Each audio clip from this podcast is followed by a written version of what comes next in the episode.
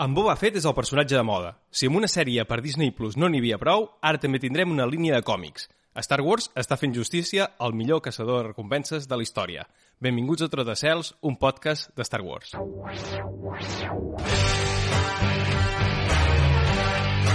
Trotacels, un podcast de Star Wars. I molt bona tarda, Adrià. Què tal? Com estem? Què tal, Juan Carlos? Com anem? Doncs pues molt bé, molt contents, com sempre, aquí una setmaneta. El nostre foradet, el nos... sempre aquí cada setmana parlem de Star Wars, el que hem vist, el que no, tal, i, bueno, a poc a poc anem sumant podcast, anem sumant gent, eh, aquesta petita comunitat que tenim de gent allà a la xarxa eh, de Star Wars en català, no, perquè, no per res, sinó perquè bueno, és el nostre gra de sorra, eh, que sempre diem. Sí, sí, sí, cada cop aquesta comunitat la tenim una mica més activa. De fet, mira, ara ja que hi som, Juan Carlos, tenim un comentari que ens ha deixat escrit en Gerard, que és un seguidor que fa temps que, que ens va escrivint coses tant per Twitter com per, com per iVox, i ens ha hagut fer una aclaració respecte al programa que vam fer ja fa unes setmanes eh, d'en Ben Kenobi, el que vam eh, titular com a Ben Kenobi, el boig de Tatooine, que vam especular del que podria passar a la sèrie, i en Gerard ens comenta, diem que en els còmics, en el cànon dels còmics, en Ben va salvar un parell de cops en Luke. Per tant, allò que nosaltres eh, comentàvem sense conèixer aquesta dada, eh, pot ser que, podria ser que passés, no? que, que en Luke, sense saber eh, que en Ben l'està salvant, doncs realment l'està ajudant a sobreviure. Estava ja, el, diguem, era la seva ombra, no? el seu àngel de la guarda o alguna cosa així, i el salvava, no? Està molt bé. I això passa als còmics. No l'hem llegit, no ho sabíem, molt bé, moltíssimes gràcies pel comentari i també animar la gent que vulgui comentar les xarxes, doncs per aquí sortirem també. Doncs pues perfecte. I, bueno, ara anem a començar amb les notícies, que encara que no hi ha molta cosa. No, no hi ha gaire cosa, però n'hi ha una que crec que ens farà moltíssima il·lusió. O sigui, comencem Vinga. ara per les notícies i després de les notícies us farem algunes recomanacions, no m'avanço, i acabarem el programa, com sempre, a la cantina, que avui tenim de convidat el doctor Zailo. Important, eh? Important i molt interessant. Els que ja veu escoltar el programa dedicat a en Kirvin, alguna cosa ja us sonarà, i aquí una estona el descobrirem una miqueta més. Vinga. Què tenim de notícies? Va. Doncs va, comencem per la més eh, important, o com a mínim la que nosaltres hem destacat, que és la nova minissèrie de còmics per a Boba Fett, que es dirà Boba Fett, War of, Bounty, of the Bounty Hunters, eh, amb el meu accent de Cambridge, eh, i serà una minissèrie de 5, de 5 còmics, de 5, de, una tirada de 5 números, que bàsicament el protagonista, en Boba Fett, eh, doncs viurà tot un seguit d'aventures que passaran entre l'episodi 5 i l'episodi 6. Això t'anava a preguntar, molt important, entre quan passa, no? En aquest moment, jo crec que el Boba Fett és un personatge superimportant per tot el que està passant, sobretot per l'imperi, vale? eh, cobra molta importància perquè bueno, té el Han Solo, vale? és el sí. moment, o sigui, com acaba l'episodi eh, 5? Com sabem, eh, acaba fatal per la, per la rebel·lió, acaba molt malament. Que això és, el, és el moment aquest de baixada, no? aquest moment crític de dir, ai, se'n sortiran o no? Clar, i el Boba Fett eh, s'emporta el Han Solo, és el seu trofeu, el vol vendre al, al Java, sí. vale? i passen coses allà. Vale? Jo crec que és com un ascens molt important per ell, perquè realment el, eh, jo en el còmic que estic llegint de Darth Vader surt, però una mica d'aquella manera, està agafant importància, mm -hmm. vale? i va per aquí la cosa. O sigui que Sí, bueno. de fet, pel que s'ha comentat, eh, és molt probable que aquesta línia de 5 còmics eh, tingui una espècie de crossover amb altres línies i tires de, de còmics que actualment passen al mateix, a la mateixa època, com podria ser la Doctora Afra, uh, la sèrie de còmics d'en Darth Vader 2020, la dels Bounty Hunters i la de Star Wars, que es diu tal qual, Star Wars. Doncs hi ha totes aquestes línies de còmics que, pel que hem entès, uh, s'acabaran creuant amb en Boba Fett. Per tant, tindrem una espècie de crossover en tot l'univers de còmics Marvel de, de, de Star Wars, que pot ser super interessant, i anirem descobrint què li va passar amb Boba Fett entre capturar en Han Solo i portar-lo al Palau d'en Java. Jo el problema que tinc ara, sincerament, és que hi ha tanta literatura, hi ha tanta cosa, que posar-me al dia... Perquè, clar, jo, jo represento una miqueta aquella gent que s'ha acabat d'enganxar, jo tinc uns anyets ja, vaig complir 45 anys, i què passa? Sí, sí, jo vinc de veure les pel·lícules antigues, tot aquest rotllo, pa, pa, pa, però realment a la part més de literatura m'he ficat doncs, fa molt poquet. I havia llegit el primer llibre, però molt poquet.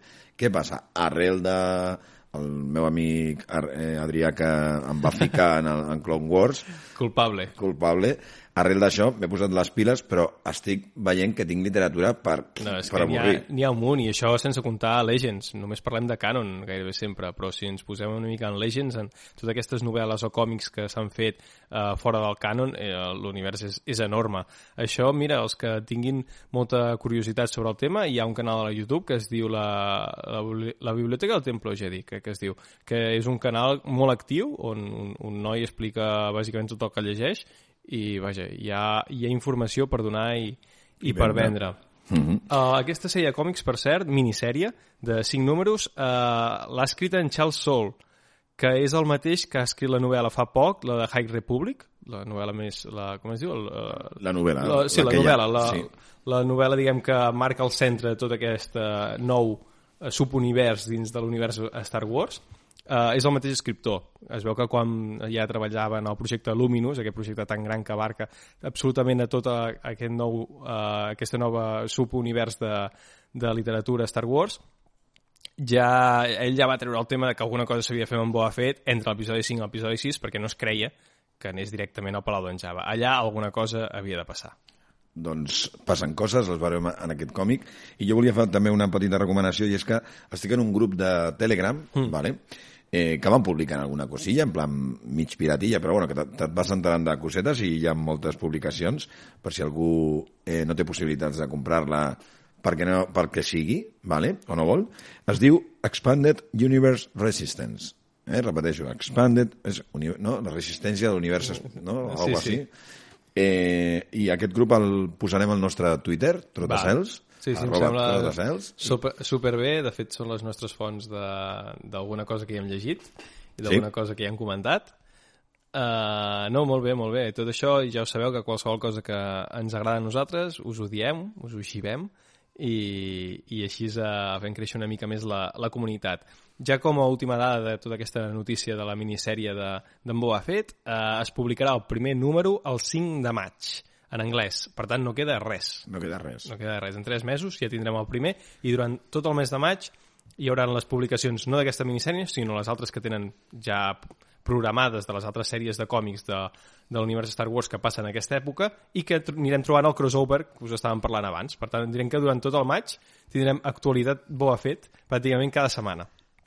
Això és important i, bueno, hi ha setmanes més, més mogudes, hi ha altres, i aquestes seran mogudetes, déu nhi Home, el Boba Fett és un dels personatges, jo crec, de l'època de les primeres pel·lícules que sense sortir molt, sense ser molt rellevant, sense parlar molt, es va fer molt famós. A la gent li, li encantava. El misteri, eh? El Sí. misteri el que fa. Sí, sí, totalment.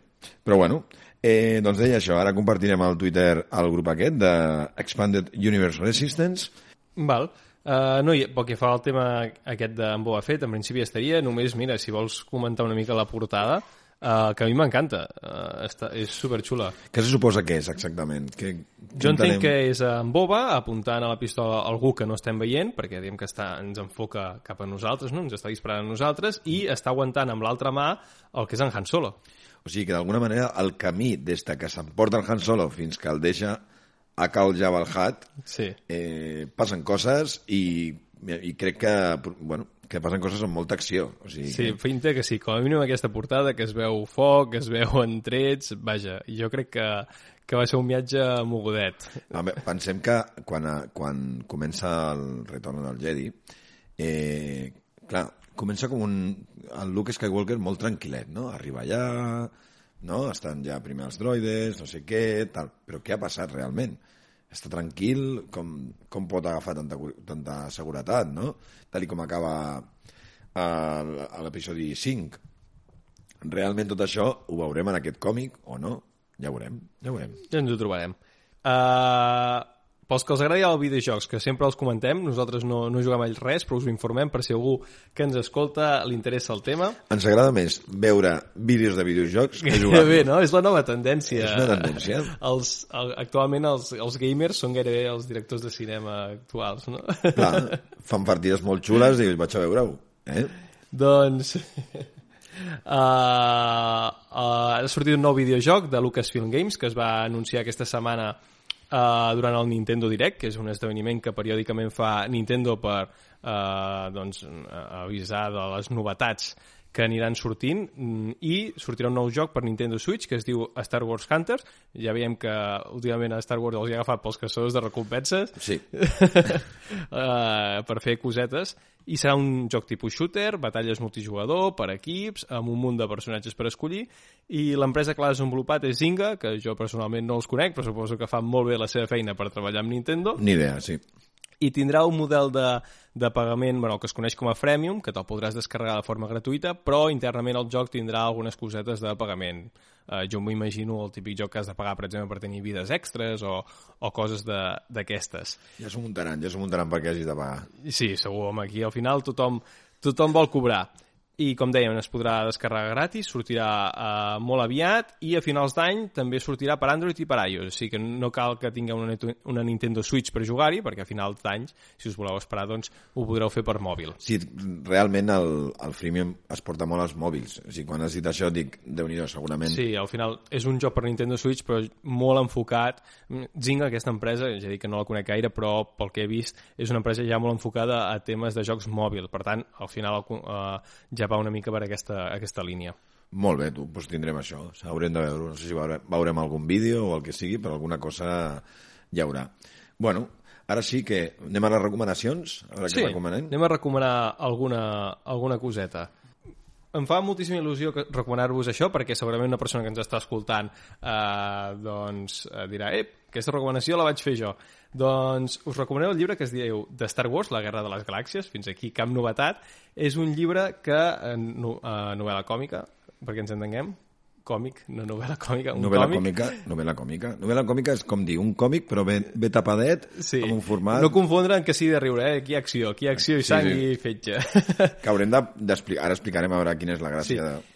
el que té, aquesta gràcia que té aquest primer, eh, aquesta primera recomanació d'avui, és que eh, està basat aquest còmic en l'esborrany original que en George Lucas va escriure l'any 74 de la Guerra de les Galàxies. Per tant, el primer tros de paper que fa el Lucas i es va posar a escriure coses que tenia al cap relacionades i que més en, endavant es va dir la Guerra de les Galàxies, doncs aquest còmic ha agafat aquest primer esborrany i l'ha redactat. Per tant, estem parlant del que era la idea original de l'univers Star Wars. abans de, ser, de fer les pel·lícules. Correcte. Les pel·lícules, si no m'equivoco, van ser el 77, 79... o 78, em sembla. Sí, Sí, no, sí. així, doncs parlem d'uns 3 o 4 anys abans de la primera pel·lícula, uh, aquest esborrany doncs, que tenia en, en George Lucas i, i un, un seguit de gent del seu entorn. Estem parlant dels anys 75, 76, Sí. eh, o sigui que... Ara no em sortia el nom, en J.W. Rinsler, que és el guionista, doncs va demanar permís a en George Lucas per obtenir aquest eh, esborrany que ell ja havia pogut llegir. De fet, aquest guionista, si no m'equivoco, ja va participar en, la, en el guió final de Star Wars. Eh, doncs va demanar permís a, a en Lucas per poder fer aquesta versió de còmic d'aquest esborrany original, que realment és totalment diferent, no té res a veure amb la Guerra de les Galàxies, excepte en els conceptes bàsics. De fet, al principi del còmic hi ha un petit escrit on, on explica aquesta aventura que van tenir internament a l'hora de, de fer el còmic i comenta que realment aquest esborrany original no tenia gairebé ni guions, era bàsicament unes pautes que hauria de seguir una història. I entre aquestes pautes, per exemple, hi havia molt clar la diferència entre el bé i el mal, el que vindrien a ser els jedis i el lado oscuro. I són conceptes que després es van mantinguent en essència, per tant, en tot l'univers de Star Wars, però que eh, van acabar desenvolupades en personatges totalment diferents. I sí que hi ha guinyos a personatges, pel que tinc entès, Totalment. però són molt diferents, també. Correcte, per exemple, un dels personatges pro protagonistes és en Luke Skywalker, que suposo que ara pensareu, ostres, el Luke ja ho és de, de la de trilogia original, un dels protagonistes, però aquest Luke Skywalker, el que tenen en comú amb el de les pel·lícules és el nom, i punt. I són dos personatges molt diferents, aquí estem parlant d'un veterà general eh, de l'ordre Jedi, que ha estat pràcticament exterminada, Uh, estem parlant això d'un veterà, no estem parlant d'algú que ha, viscut sense conèixer el, el conflicte, sinó que l'ha viscut uh, internament, uh, el veiem amb, amb barba blanca, molt, molt, molt veterà, apareixen també altres noms com la Leia, que no és en aquest cas germana d'en Luke, és un altre personatge totalment diferent. Apareix també en Han Solo, que no és ni tan sols uh, uh, humà, és d'una altra raça.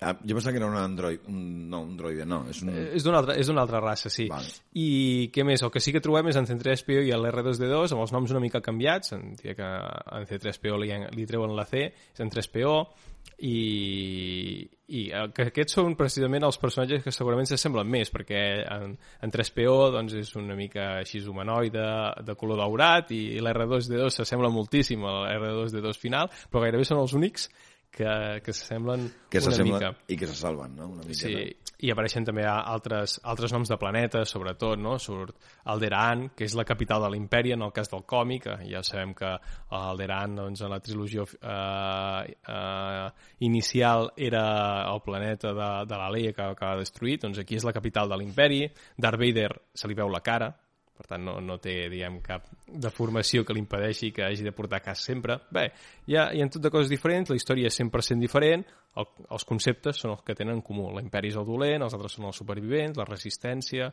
tot, tots aquests conceptes. Recordem el títol del llibre, llavors? De Star Wars, la guerra de les galàxies, i per buscar-ho més detalladament, buscar un millor esborrany eh, original. I segur que, que el trobareu, l'autor, com dèiem, el guionista principal, és S'escolten les fulles, això és maco. les fulles, Quan estic buscant els noms. Quan s'escolten fulles és maco. J.W. Rinsler i els dibuixos són de Mike uh, Mayweath i els colors d'en Rain Veredo. Espero haver-ho Està pronunciat bé. distribuït, sense ànim de fer molta publicitat, però està distribuït per Planeta Agostini. No ens han pagat, us ho promet. No, no, no ens ha pagat. Eh? No, encara no som tan influencers per, per representar aquí productes, però bueno. Jo també porto una, una curiositat, una recomanació, que en castellà seria El código del cazador de recompenses. ¿vale? És, el, és un llibre que, sincerament, no, encara no l'he començat a llegir molt, o sigui, l'he mirat allà en diagonal, però pinta molt bé. O sigui, estem parlant del còdic, de, les, de la moral que té el caçarrecompenses, encara que no us semblis, tenen unes lleis molt eh, establertes i, bueno... Sí, una vale. mica les normes del gremi, podríem Exacte, dir. tenien com, tenen com... La, el, és un manual del gremi, bàsicament. O sigui, de fet, el contingut, aquí en el resum ho diu, diu Manual del gremio de caçarrecompenses de Boba Fett. In, inclueix comentaris escrits, ¿vale? Eh, pel Boba Fett, per diversos eh, eh, caçarrecompenses com Gridu, Bosch i Degar. I també del general Solo. Eh, de Han Solo. Sí, sí, sí, sí. O sigui, que vull dir... Clar, Han Solo, entre cometes, no era un caçarrecompenses, Un però- contrabandista, no? Però un contrabandista, o sigui, també jo crec que hi ha una, una línia i una mica, no? Sí, sí, sí. Eh, els podries ficar bastant al més sac, al mateix sac. Jo entenc que els caçadors de recompenses el que buscaven eren persones, no? Exacte. I els contrabandistes al final movien material, però suposo que en tant en tant també devien moure persones. Ah, exacte, no, no. I, i, i lo, lo guapo d'aquest llibre, eh, recordem que és el Codi del Caçador de Recompenses, eh, inclueix també doncs, comentaris, o sigui, tot això és com simula com que està escrit per ells, no? I hi ha com comentaris escrits a mà del Boba Fett, del Jeff Fett, de l'Aura 5 i del pirata eh, Wiki Hondo, eh, Home, lo- el el Hondo. el nostre, el nostre amic eh, Hondo, vale? que és el Hondo Ognaka, eh? no oblidem que es, es diu així, perquè. Sí. ja el coneixem com a Hondo. Encara tenim pendent, que això em sembla que ja ho vam dir al, al primer episodi, el pilot, que un dia havíem de, de fer una cantina amb, amb en Hondo. No, caurà, caurà. Caurà segur. Caurà. Haurem de reciclar-nos una miqueta perquè en- ens queda Clone Wars ja una miqueta lluny, però, Sí. però és que surt eh, a Clone Wars i també surt a Rebels, o sigui que està por allà. Rebels i té, té molta xitxa. Què més? Eh, valor de la informació, de les salutacions, encara per determinar, eh, els comentaris de Jango Fett semblen dirigir-se a Boba Fett, alguns dels quals comentaris eh, anaven dirigits a la seva filla, Aileen Bell, que tampoc acabo d'entendre això, m'ho hauré de llegir. Però bueno, en qualsevol cas, jo crec que és un document curiós, que és el Código del Cazador de Recompenses. I, eh, sense ànim d'insistir, si no el trobeu, i teniu curiositat, o encara voleu, voleu descarregar en PDF, no, no per res, sinó mirar-ho, el típic, no? Sí, primer d'ull. mires, Sí, sí. perquè això és com tot, no? Tu me- primer tu mires i després des dius, bueno, si igual me gusta el fetitxe o no. Eh, el trobarem al grup de Telegram que posarem al nostre Twitter, ¿vale? Així que heu d'anar al nostre Twitter, arroba trotacels, i buscar-lo allà, ¿vale? que és el còdic del caçador de recompenses. Com t'ha arreglat la, els vespres eh, abans d'anar a dormir les lectures de Bona nit, eh, aquest és una canal? cosa- Sí, sí, totalment, totalment, sí, sí, sí. El que passa que és el que diem, que ens queda ja una cua de, de, de llibres, de còmics i de tot, i ara també és veritat que anem molt de cul amb el treball, la família, tal, costa bastant. Però bueno, a quan, jo crec que quan vagi bastant la, la feina i tot això, farem, allà ens posem una mica més al dia. Però bueno, és el que hi ha, i no passa res. Molt bé, fantàstic. Doncs, eh, mira, dues recomanacions molt interessants. Jo crec que eh, molta gent que ens està escoltant no les coneixerà, perquè hem parlat de dues coses que no estan ben bé dins del, del cànon, llavors són, mm -hmm. són coses una mica diferents del que acostumem a parlar, i ara sí, si vols, ja podem passar a la nostra secció preferida, incondicional, que no falla mai, la cantina de Moss Eisley. Only different in your mind.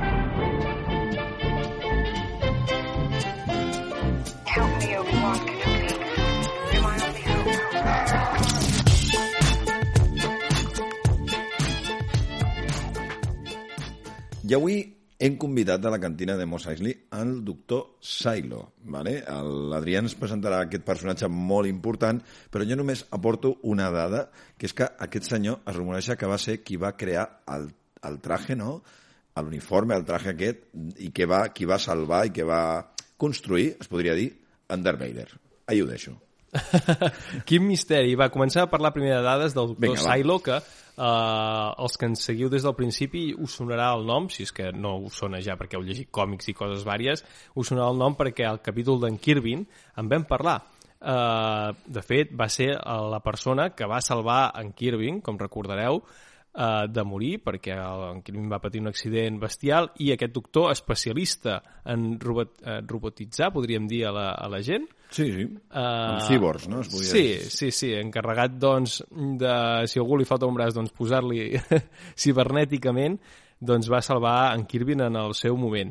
Uh, tenim dades diverses, per exemple, que si us, uh, no us l'imagineu perquè no l'heu vist mai, doncs és un humanoide, uh, home, uh, d'un color grisós, ulls de color groc fosc, vaja, un personatge així tot, tot característic, li falta un ull que, i té una espècie d'ull robòtic, no? Sí, jo crec que ha fet allà un implante. Ell mateix ja és un cíborg. Sí, totalment i, i vaja, uh, bàsicament aquesta persona doncs, treballava en els seus orígens per Darth Vader i com molt bé deia uh, en Juan Carlos uh, va ser qui es va dedicar a construir aquesta armadura, aquesta... De fet, es podria dir que no és que treballés directament amb Darth Vader, sinó treballava per l'imperi. O sigui, estem Correcte. parlant d'un personatge molt, molt fidel a l'imperi. Està creat a si mateix i es va posicionar a l'imperi per fer, precisament perquè ell no estima la vida humana ni, ni, ni, ni res. Estima la vida robòtica. De, de fet, eh, ell planteja que el cos humà o, o alienígena, el que sigui, però el cos natural, anem a dir-li, no? perquè ens entenem, sí. no, a ell no li agrada. O sigui, ell, troba, ell, ell veu, veu fallos i el que li dona importància és el backup que podem fer virtualitzant-nos, no? De fet, sí. Com, a dada, com a dada curiosa, podem dir del doctor Silo que té diverses versions d'ell mateix. O sigui, ah, sí, sí, hi ha, hi ha diverses versions. O sigui, ell en un moment donat, si mates un, ell ja té un backup preparat de si mateix, o sigui, estem parlant d'una persona que es creu una mica Déu i que dintre de... o una divinitat, i que dintre de l'imperi és un personatge molt important perquè una altra dada que podem comentar, no sé si la tenies tu per allà, abans quan comentàvem d'en Kirvin, doncs va aprofitar el cos del Gribus, el cos robotitzat del Gribus, i va mig arreglar Kirvin, vale? i va fer allà un apanyo, no? Tot això surt en el còmic de Darth Vader, eh? I què més? No sé quines dades tens més per ahí per explicar d'aquest personatge. Doncs mira, com molt bé ja deies, és cert que no, no treballava directament per Darth Vader, sinó qui el va contractar va ser Palpatine. Directament. Sí, que diem que en el principi ell havia col·laborat amb Celanon, no? de, que era un, uh, diguem, podríem dir, una espècie de un, pla un planeta que estava a favor dels separatistes, això estic parlant abans de la proclamació de l'imperi, i quan es va formar l'imperi va acabar treballant per, per Palpatine, dient que una mica el seu flux de, de treball va ser treballo primer pels separatistes, la cosa, bueno, no sé com dir qui va guanyar la Guerra Civil Galàctica, la, qui la va guanyar ho tenim molt clar, però si la van guanyar separatistes o, o republicans això ja no, no ho tinc tan clar i va acabar passant a treballar per Palpatine. I a partir d'aquí, doncs, Palpatine li va fer tot un seguit de concessions, com per exemple eh, eh, fabricar mm, amb Morigi l'Aislon Astarte, que és Astarte, que són dues espècies de cyborgs, també humans, que van acabar eh, robotitzats eh, i barallats amb en Darth Vader fins i tot. La veritat és que no es, no es duia gens bé amb Darth Vader, ¿vale? perquè jo crec que una mica competia a nivell de nivell a nivell de, de qui estava més al costat de l'emperador, jo crec que tenia aquest punt. Vale? O sigui, si tu veus el còmic de Darth Vader et queda clar que el doctor Silo, evidentment no és un militar, però és un científic que té molt de poder dintre de l'imperi, crea personatges molt importants i rellevants per, per totes les missions, i Darth Vader representa una mica el que no pot controlar, perquè jo crec que ha, aquí hi ha un punt important. És un, estem parlant d'un personatge que eh, crea però també li agrada controlar. És una mica Palpatine per sota del Palpatine, no?, en aquest sentit, i el mal Darth Vader, doncs, sí, sí, segurament li va fer tot, el va robotitzar i el va salvar igual que va fer amb el Kirby, però diguem que amb el Darth Vader la cosa no funciona així. O sigui, ell el Darth Vader és d'un altre rotllo. Vale? Sí, sí, sí. I de fet, si no els hi queia bé, eh, no li queia gaire bé a, a Silo, en Darth Vader és precisament pel que comentàvem, no? que amb, Morit i la, i l'Astarte, que eren dos, uh, un home i una dona, en aquest cas uh, robotitzats per en, per en Silo, li feien una mica la competència i com que li feien la competència no, els, no diguem que el propi uh, Palpatine uh, tenia una trama per evitar que en Vader mai estigués còmode, això ja ho sabem, doncs entre altres fronts oberts tenia el d'aquests dos personatges que li feien la guitza i per això en Vader no li queia bé en, en Silo. Tenia aquest conflicte constant. I perquè sabia que hi havia una competència. I de fet s'amenaçaven constantment. O sigui, hi havia molta tensió amb aquests personatges i amb, eh, diguem, amb les creacions del doctor Silo. No? Jo vull aportar també una altra dada, i és que eh, el doctor Silo, diguem que és, eh, eh, dirigia una, una subdivisió dintre del, del, del que seria la iniciativa Tarkin, ah, que és un, sí, que és un grup d'experts secrets dintre de l'Imperi Galàctic, eh? la dirigia el, el doctor Silo, com dient, i estava especialitzada, com dient, en cibernètica. Silo imaginava una societat amb cíbors avançats i sense la força. O sigui, és com si, vale, m'agrada el que fa la força, però jo no vull la força, el que vull és eh, un cyborg, no? que, estem, un cyborg... que siguin millors que els éssers vius actuals, però sense tenir aquest recurs com era la, la força, no? Al final, una versió 2.0 de, dels éssers vius. Sí, i que hi hagi una connotació, diguem, eh, de hardware. O sigui, ell el que no vol és que tot sigui orgànic i que tot sigui natural. I, i la força representa... I és el que comentaves al principi de fer-ho tot una mica més etern, no? Que Exacte. no, que no caduqui. Que no caduqui, perquè hi ha una frase d'ell que diu això precisament, no? que ens queda poc temps i que, i que hem de... O sigui, com dient que volem estar a l'univers molt de temps i el temps és reduït, és limitat per als éssers vius i clar, ell això doncs, no li agrada. Ell doncs, creu que pot controlar la vida d'alguna manera i és una mica la filosofia d'aquest personatge que, que, bueno, que ja està. Surt sobretot a eh, els capítols de Dr. Vader, o sigui, de Darth Vader, perdó, a tot, a tot el còmic de Darth Vader. També fa un, una mica una aparició a la doctora Afra i també al còmic de Star Wars, el capítol 14. Serien una mica les eh, aparences que surt eh, d'aquest personatge que nosaltres coneixem i que, com veieu, està sempre en el còmic. No sé si ha tingut algun cameo, alguna cosa, alguna pel·li, jo crec Ostres, que no. Jo crec que no. Jo crec que no, sincerament. No, no em sona, és del perfil aquest de personatges que diria que no veurem mai, bueno, ara mateix tal com estan les coses no es pot dir mai, però, però crec que serà difícil que el veiem mai en una sèrie, diguem, en live action, eh, o fins i tot animada, diria que està molt reservat a la, a la cultura literària de, de l'univers Star, Star Wars. Uh, ja per anar acabant amb en Silo, mm, com va acabar en Silo, ho sabem? Doncs no ho sabem.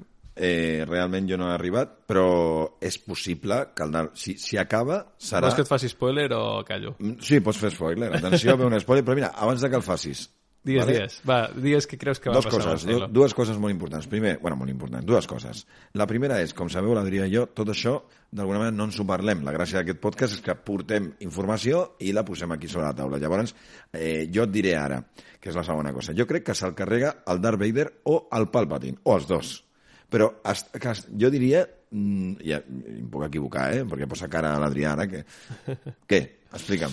Uh, podríem dir, va, sense dir-te massa detalls, uh, tota aquesta informació, per cert, que nosaltres uh, acostumem a citar les fonts, tot això ho triem de, del fandom, de la Wikipedia fandom de Star Wars, que és un recopilatori bastant interessant, a vegades també de la Wikipedia, no confondre amb Wikipedia o Wikipedia, és la Wikipedia. Sí, dels Wookiees.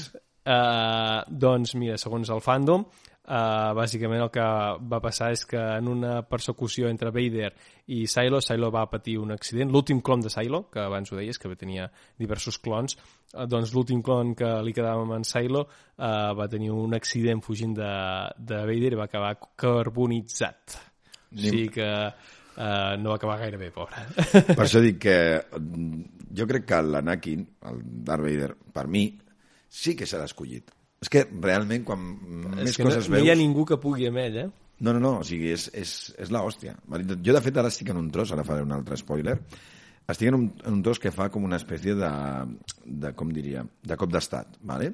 És a dir, ell entra en un planeta, un planeta molt important, on hi ha temes de forces, de forces, eh? vull dir, de, de que es generen ferros, i, Sí, bueno, industrial, tot molt industrial i tal, i ell ho fa d'una manera que eh, obliga el planeta a, continuar a treballar per l'imperi, perquè ho fa molt. Eh? Ell va a un puesto i diu, bueno, vosaltres treballeu per l'imperi, i llavors hi ha una resistència, lo típic, però també hi ha un politiqueo, pues, eh, passa com tot, no?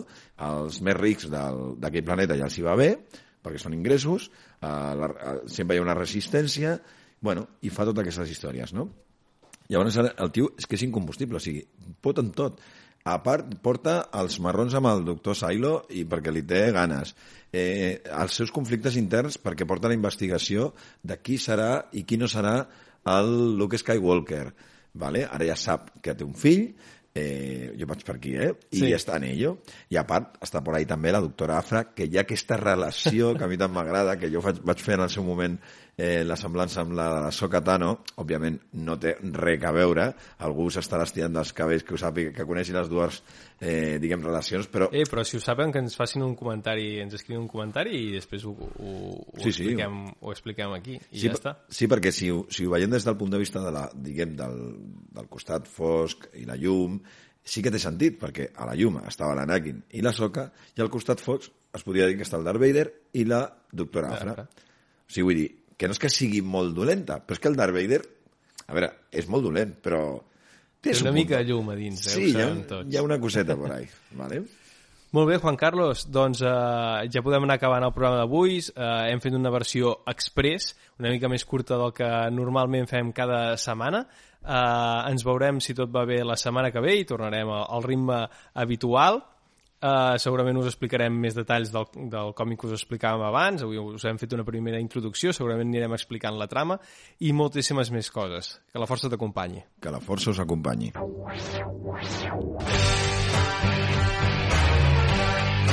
Trotacels, un podcast de Star Wars.